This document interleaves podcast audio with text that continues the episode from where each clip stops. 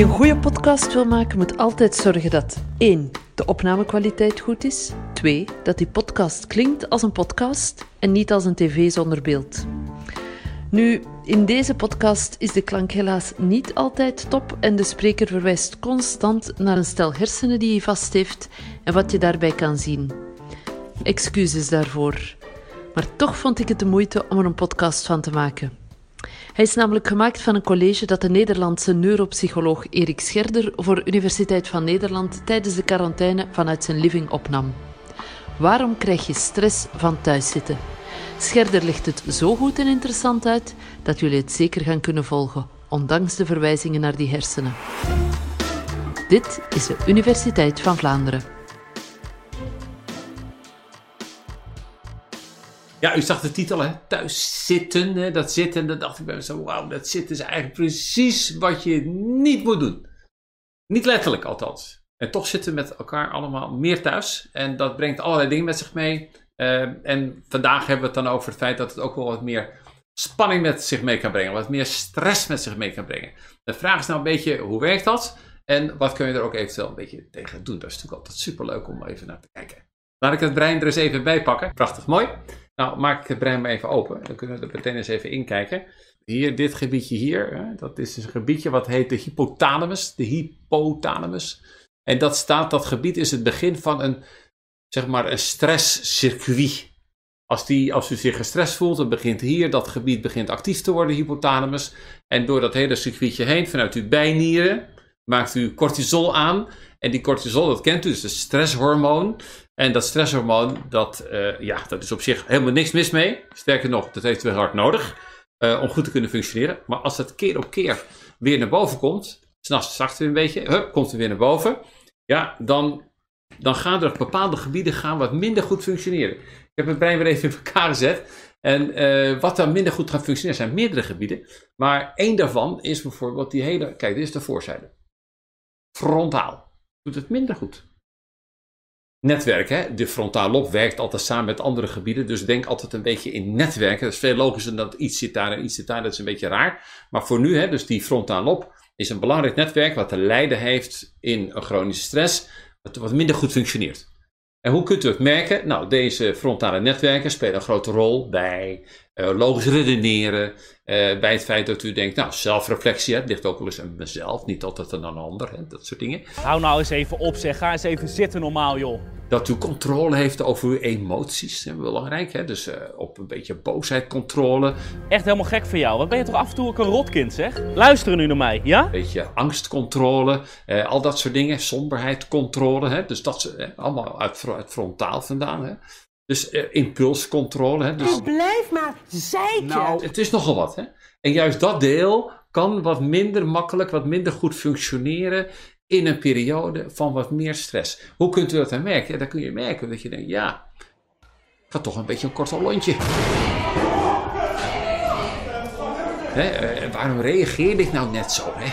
Had even nagedacht. Maar ja, dat even nadenken, dat is nou precies waar je dit hele gebied wel voor nodig hebt. Dat even nadenken, waardoor u zich inhoudt.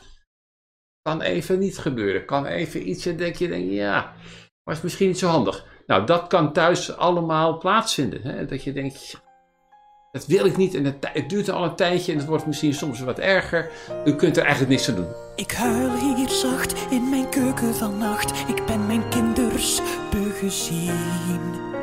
Al drie weken isolatie terwijl ik niets meer verdien. Dat is mijn boodschap 1. Hè? Dat is een logisch gevolg van dat thuis zijn en dat op elkaar een beetje zitten. En vooral dat zitten, hè? ook stel al, hè? dat u denkt, ja, ik zit toch meer dan voorheen. Want dan was ik op weg naar mijn werk en uh, kinderen halen en brengen. Nu toch meer thuis. Dat doet dit gebied geen goed. Dat is nou jou zo jammer. Hè? Dus denk je bij jezelf, oké, dat is dus al een belangrijk punt. Nou, die controle wil ik ietsje nauwer naar kijken met u, ietsje scherper. Dit is weer frontaal, dit voorste gedeelte. Hier zit uw neus, ja. En um, u ziet dan ook hier, ziet u een, een lijntje lopen. En dat lijntje hier loopt helemaal door naar een kern. Die ligt dus wat, duidelijk wat lager, ziet u het? Die ligt wat dieper. Hè? En die kern, die heette de amandelkern. De amygdala amandelkern. En u ziet dat lijntje loopt er naartoe. En dan ziet u dat uh, die Die informatie gaat dus vanuit frontaal, gaat naar die amandelkern toe. En dat betekent eigenlijk dat die frontale lob, die gebieden die hier liggen, die remmen op die amandelkern. Is belangrijk, ja, want die amandelkern is gevoelig voor angst, voor negatieve emoties. Aha, dus in een normale situatie, zonder stress, eh, dan ziet u dat die eh, amandelkern onder controle staat vanuit frontaal. Die frontaal op remt dan op die amandelkern. Precies wat je wil om te denken, ik heb hier goede controle over. Dat is fijn, dat is mooi. Maar in de situatie van chronische stress, hè, als dus die frontaal op het niet zo goed doet, dit gedeelte, dan is dus die remming hier vandaan zo naar die amandelkern toe stukken minder. Dus daar is zeg maar, hè, dat is kwetsbaarder. Dus die amandelkern krijgt alle ruimte om actief te worden.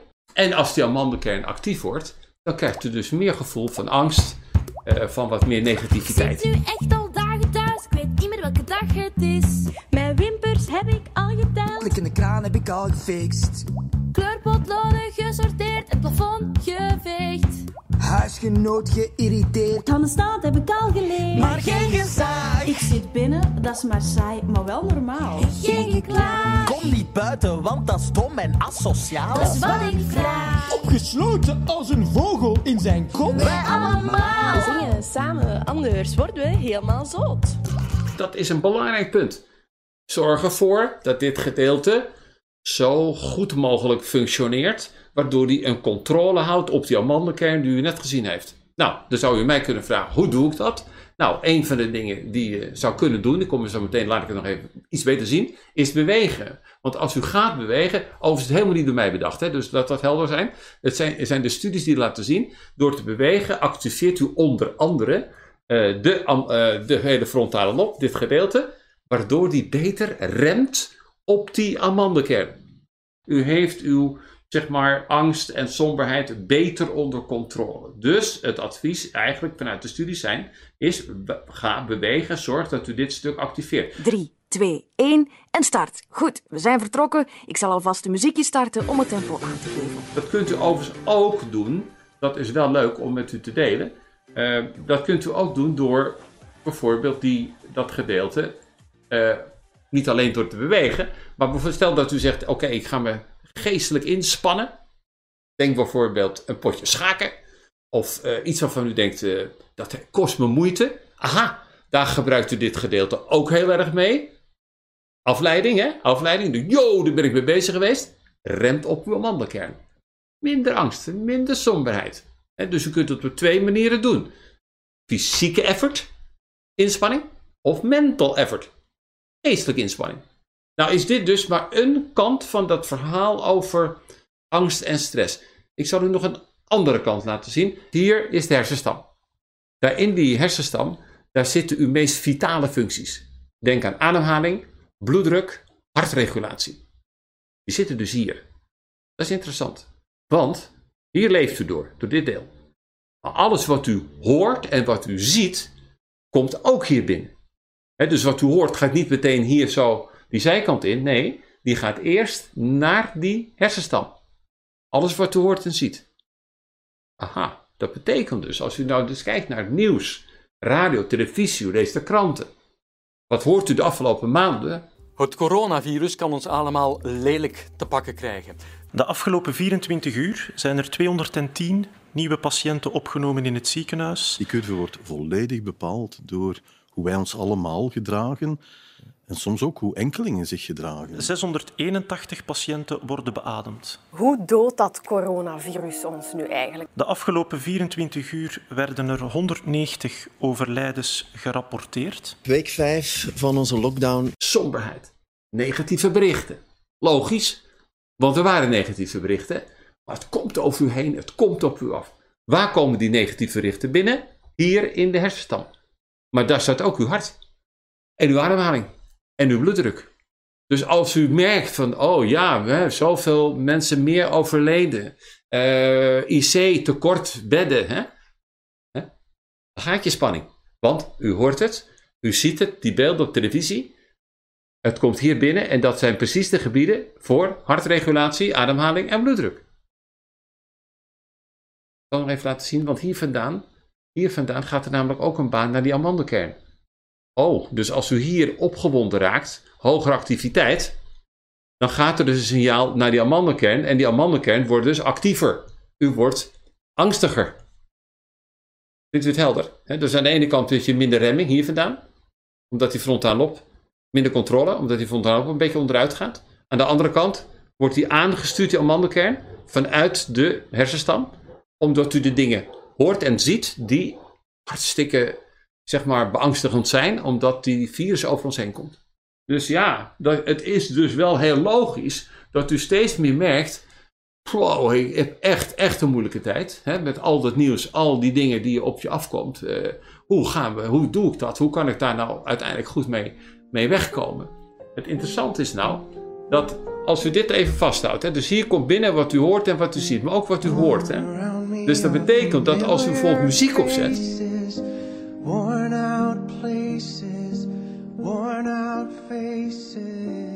muziek die bijvoorbeeld een rustig ritme zo, zo die komt ook hier binnen.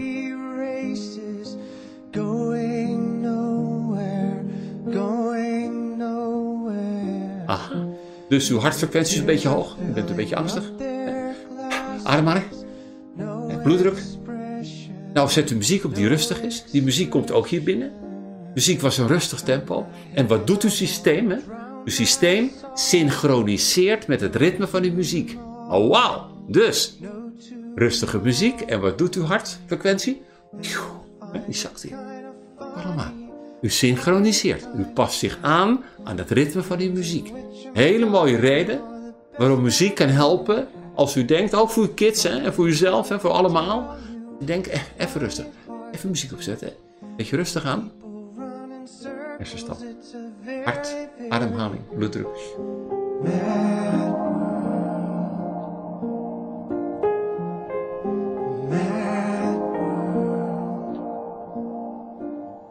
Oké, ja, zo kun je er echt genoeg aan doen. En dan kun je ook nog denken, oké, maar we hebben het over bewegen gehad, we hebben het over muziek gehad. Het leuke is dat die amandelkern speelt even in dit verhaal dan een flinke rol, hè, vanwege de angst en de negatieve emoties. Je kunt die amandelkern ook nog op een andere manier onder controle krijgen. Niet alleen hier vandaan, ik zal u laten zien. Hè. Kijk, hier ziet u de kleine hersenen. Kleine hersenen, helemaal achterin. En die hebben ook een verbintenis, dat ziet u hier. Die hebben dus een verbintenis met die amandelkern. Kijk. En wat doen die kleine hersenen? Die remmen op die amandelkern. Net zoals ik u vertelde vanuit frontaal, zie je dat die kleine hersenen ook remmelt werken op die amandelkern. Ja. En waar, waar, wanneer doen die kleine hersenen het heel goed? Ze doen het heel goed als u beweegt. Als u beweegt, doen die kleine hersenen het gewoon steengoed. Dus, want die kleine hersenen zorgen voor timing. Timing tijdens het bewegen. Dus wat ziet u? Die kleine hersenen doen het goed, u gaat bewegen. En ze remmen weer op die amandelkern. Niet stilstaan, wandel gewoon rustig verder en adem rustig in en uit. We gaan zo een minuutje verder. Is it getting better? Dus vanuit meerdere kanten merk je dat bewegen een gunstig effect heeft op die amandelkern. Nou, zult u kunnen voorstellen dat u bij uzelf denkt: oké, maar is dat bewegen nou iets wat jij alleen maar zelf hebt bedacht? Hè? Dat heel veel mensen denken dat dan. Dan denk je, ja, nee, maar dat, is die man zijn, eh, zijn levenswerk of zoiets dergelijks. Hè? En dat zal hij zelf wel steeds bedacht hebben. en dat dat bewegen zo goed is. Ik zal u nu laten zien. Echt, echt mooi, hè? Het is helemaal nooit namelijk door mij bedacht. No, nooit. Was er maar door mij bedacht. Recente studie. En die studie gaat over het coronavirus. En die studie gaat over wat kan je nou doen als tegenkracht tegen de gevolgen van die coronavirus. En daar bedoelen ze mee het thuis zijn, in quarantaine zijn, de stress die het oplevert, eh, de inactiviteit. Nou, u, u, voelt het aan het antwoord. Hè? Het antwoord was exercise, oftewel ga bewegen. Hè? Notabene, een studie van afgelopen maand. Hè?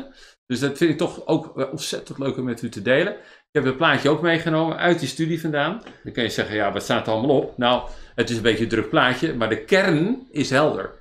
Als u gaat bewegen, doet u wat aan uw hart-vaatstelsel. Als u gaat bewegen, doet u iets aan uw immuunsysteem. Ik zal het direct nog ietsje beter laten zien.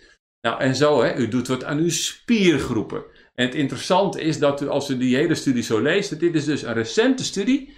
En die is, heeft een betrekking op het coronavirus.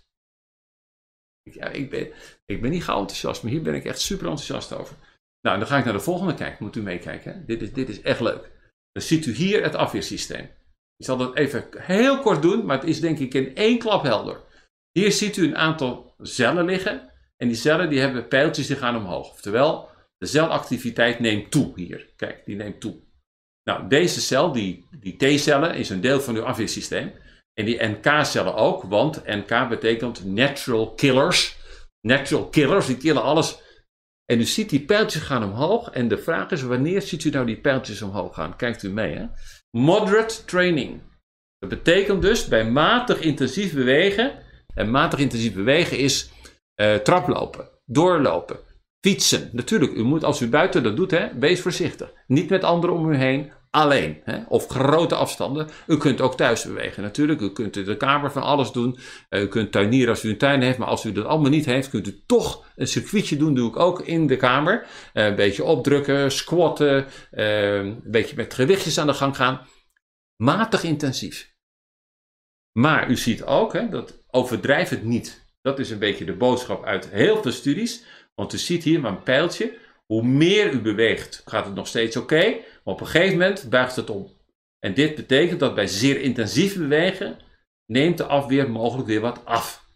dus marathons lopen zie je in deze studies niet terug als gunstig. Het gaat juist om dat hele stuk matig intensief bewegen. En dan krijgt u de grip op. En dan gaat het goed met het afweersysteem.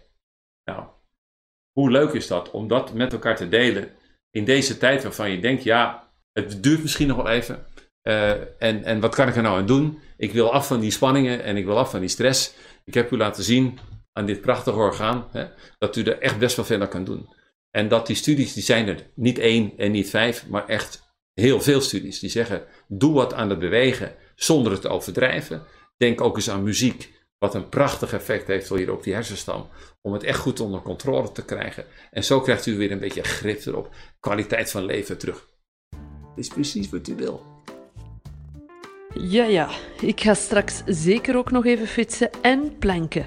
En voor wie nog wat meer motivatie nodig heeft, ook super interessante colleges over bewegen zijn. Moet je elke dag 10.000 stappen zetten van Wim de Raven? Of hoe word je fit vanuit je luie zetel van Dominique Hansen? Luister daar zeker ook naar en deel of like onze podcast, zodat anderen hem ook kunnen ontdekken.